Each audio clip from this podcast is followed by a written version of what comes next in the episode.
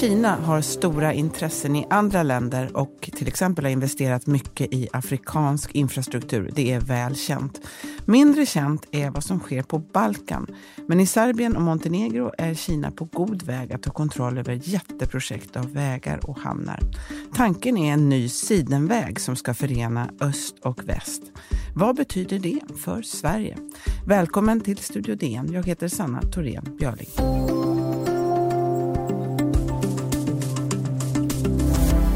Äventyr, handel och transportmöjligheter har ju präglat kontakterna mellan länder och kontinenter i århundraden och lett till vänskap och maktkamp, kolonialism och krig. Med oss har vi idag Torbjörn Pettersson som har bevakat Kina i många år. Välkommen Torbjörn! Tack! Du har ju skrivit om något som kallas för den nya sidenvägen.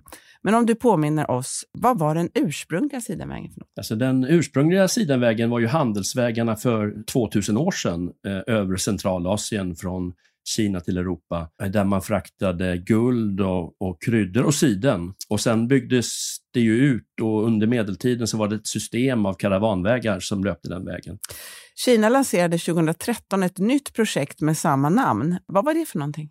Alltså det, är ett mega, det, det, har blivit ett megaprojekt över stora delar av världen. Och det är inte bara eh, Kina och Europa som är inblandade utan det är liksom andra länder i Asien, det är Australien, det är Afrika, det är Europa.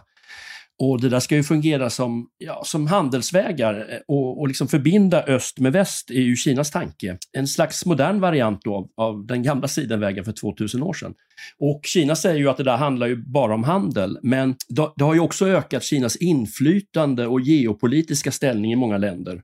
Eh, så de har ju skrivit avtal med, med 40, 142 olika länder eh, och, eh, och, det handlar ju om järnvägar och vägar och, och, fabriker och det är ganska mycket som Kina räknar in som projekt i nya sidenvägen. Och, och det finns en annan fördel för, för kineserna också då, för att på hemmaplan så har de ju byggt klart ganska mycket av sina motorvägar och järnvägar och broar och så. Och på det här sättet så får ju deras företag liksom nya uppdrag i andra länder och får en slags avsättning för sin överkapacitet. kan mm. man säga.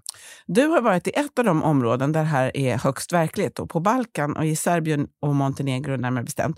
Om vi börjar då i Montenegro, där har en kinesisk bank lånat ut 10 miljarder kronor motsvarande till staten vad ska de där pengarna användas till? Så de, först så ville ju Montenegro låna pengar av Internationella valutafonden eller Europeiska investeringsbanken, men där fick de nej. Och, och den här kinesiska banken ställde upp med pengar, tyckte det här var ju ett, en bra affär för dem förmodligen.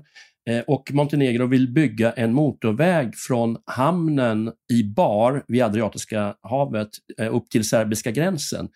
Men den här det här avsnittet som kineserna nu, just nu har byggt klart, det är liksom mitt i den sträckan, cirka fyra mil långt. Hur ser det ut där du var? Otroligt vackert. Otroligt modern motorväg. Liksom djupa dalar, höga berg med snö. Inte så mycket människor runt om. Man kunde se byar liksom långt bort sådär. Mm. Och, och den här vägen underlättar ju för invånarna som bor där, för det kommer ju gå mycket snabbare för dem att ta sig eh, vissa sträckor. Fanns det några tecken på att det här var kinesiskt? Oh ja, man såg ju liksom kinesiska bilar och lastbilar och kinesiska tecken överallt och kinesiska arbetare nästan överallt. Även om det också fanns lokala arbetare så visst det gick nästan inte att missa att, att det här var ett kinesiskt projekt.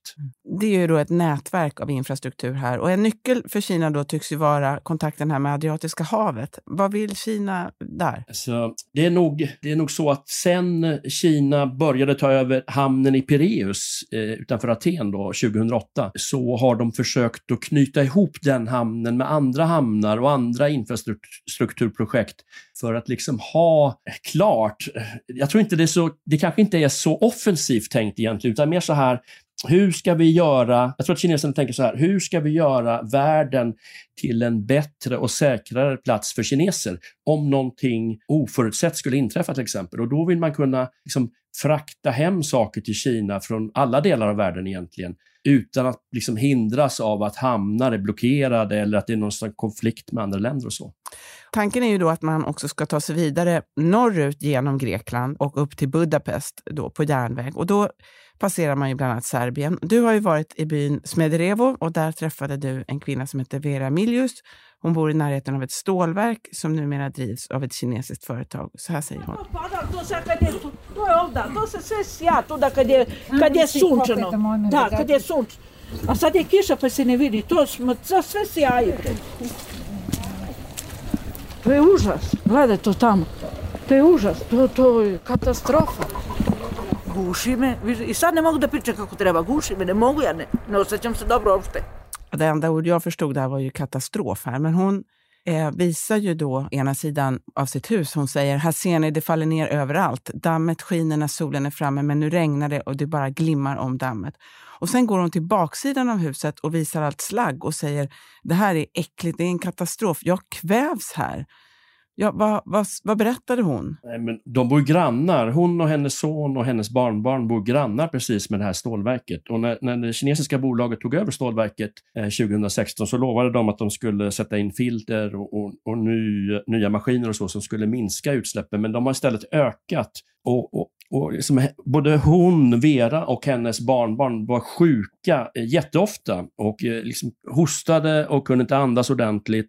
Och det fanns också då, och de fick stöd av det här. Det var inte bara någonting som de inbillade sig utan eh, miljöorganisationer har, har startat då i Smederevo som, som har då analyserat dammet och upptäckt att det innehåller både kadmium och bly och arsenik och, och 12 olika tungmetaller. Och sjukhusen i området hade då, den statistiken som sjukhusen just hade, har släppt visar att antalet cancerfall har fyrfaldigats på några år bara. Och det var inte kul att vara där. Hon, hon visade, vi gick runt på baksidan och där, var, och där är det en slagghög som blir större för varje vecka som går. Och, och då kommer lastbilar från stålfabriken Eh, med liksom de här lasterna på kvällarna. Hon sa att eh, de tror att inte jag ser dem när de kommer åkande, men jag ser dem eh, från mitt sovrumsfönster. Och sen det här med dammet som, som gjorde att hon tvingades städa hela tiden. Vi, vi var på framsidan där vid hennes hus och hon visade om jag ska sitta här ute och dricka kaffe, då måste jag ju torka av bordet först, för annars får jag det här liksom stoftet i kaffet. Mm. Ja, det låter ju verkligen förfärligt. Ehm, vi ska ta en liten paus och strax prata mer om vad de här kinesiska planerna får för konsekvenser för EU och eh, för Sverige.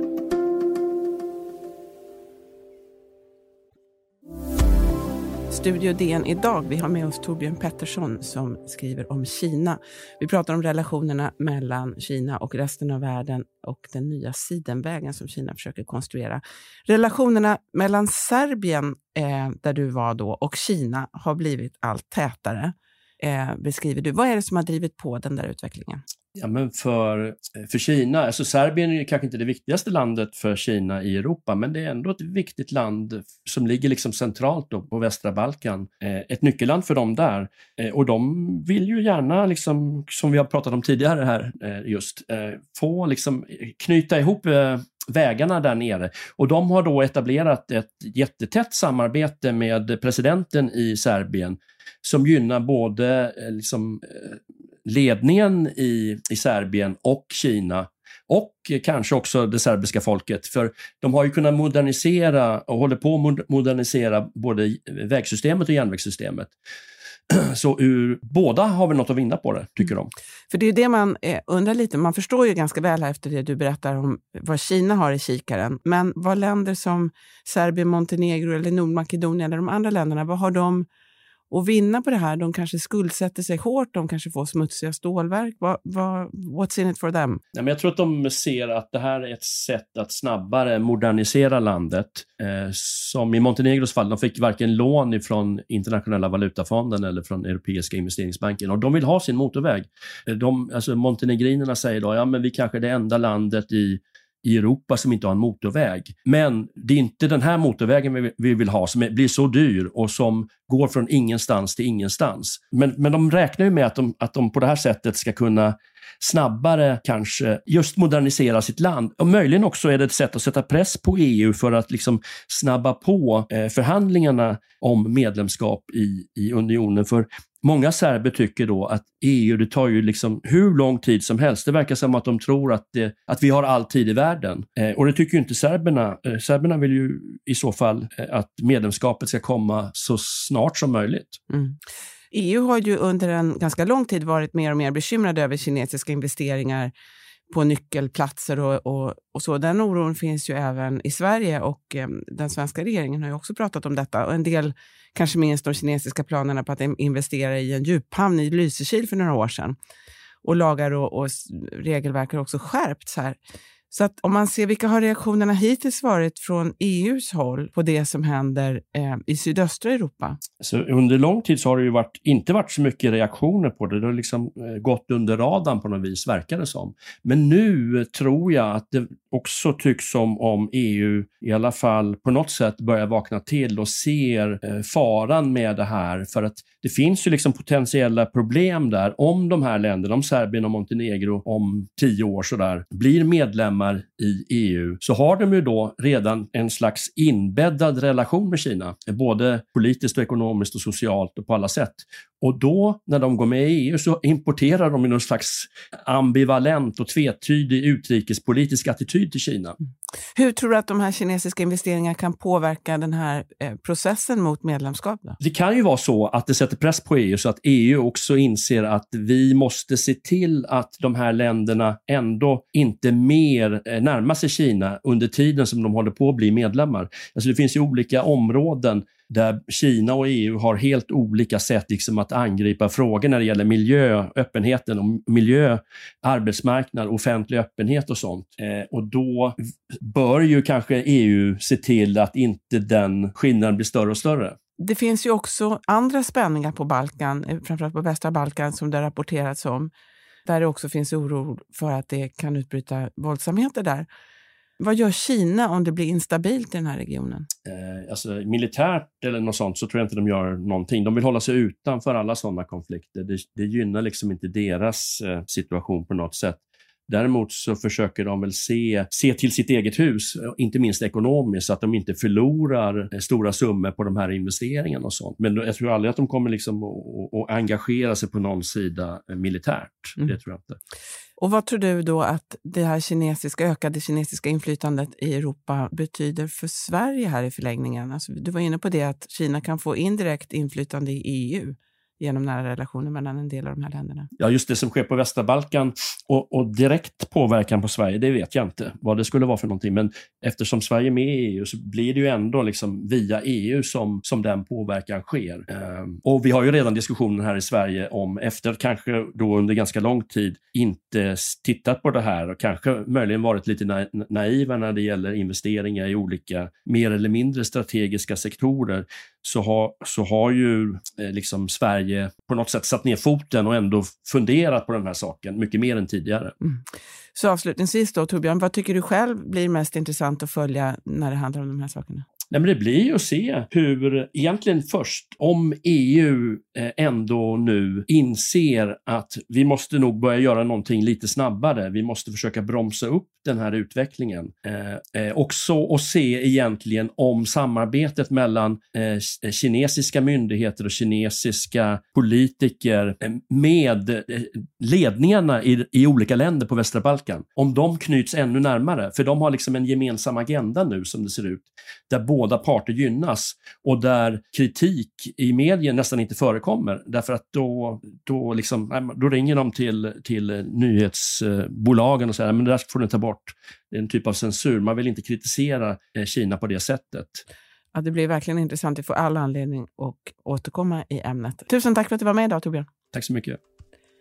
Om du vill kontakta oss så går det bra att mejla till studiodn dn.se. Kom också ihåg att prenumerera på Studio DN där du lyssnar på poddar så missar du inga avsnitt. Studio DN görs för Podplay av producent Sabina Marmelakai, ljudtekniker Patrik Miesenberger och teknik Oliver Bergman, Bauer Media. Jag heter Sanna Thorén Björling.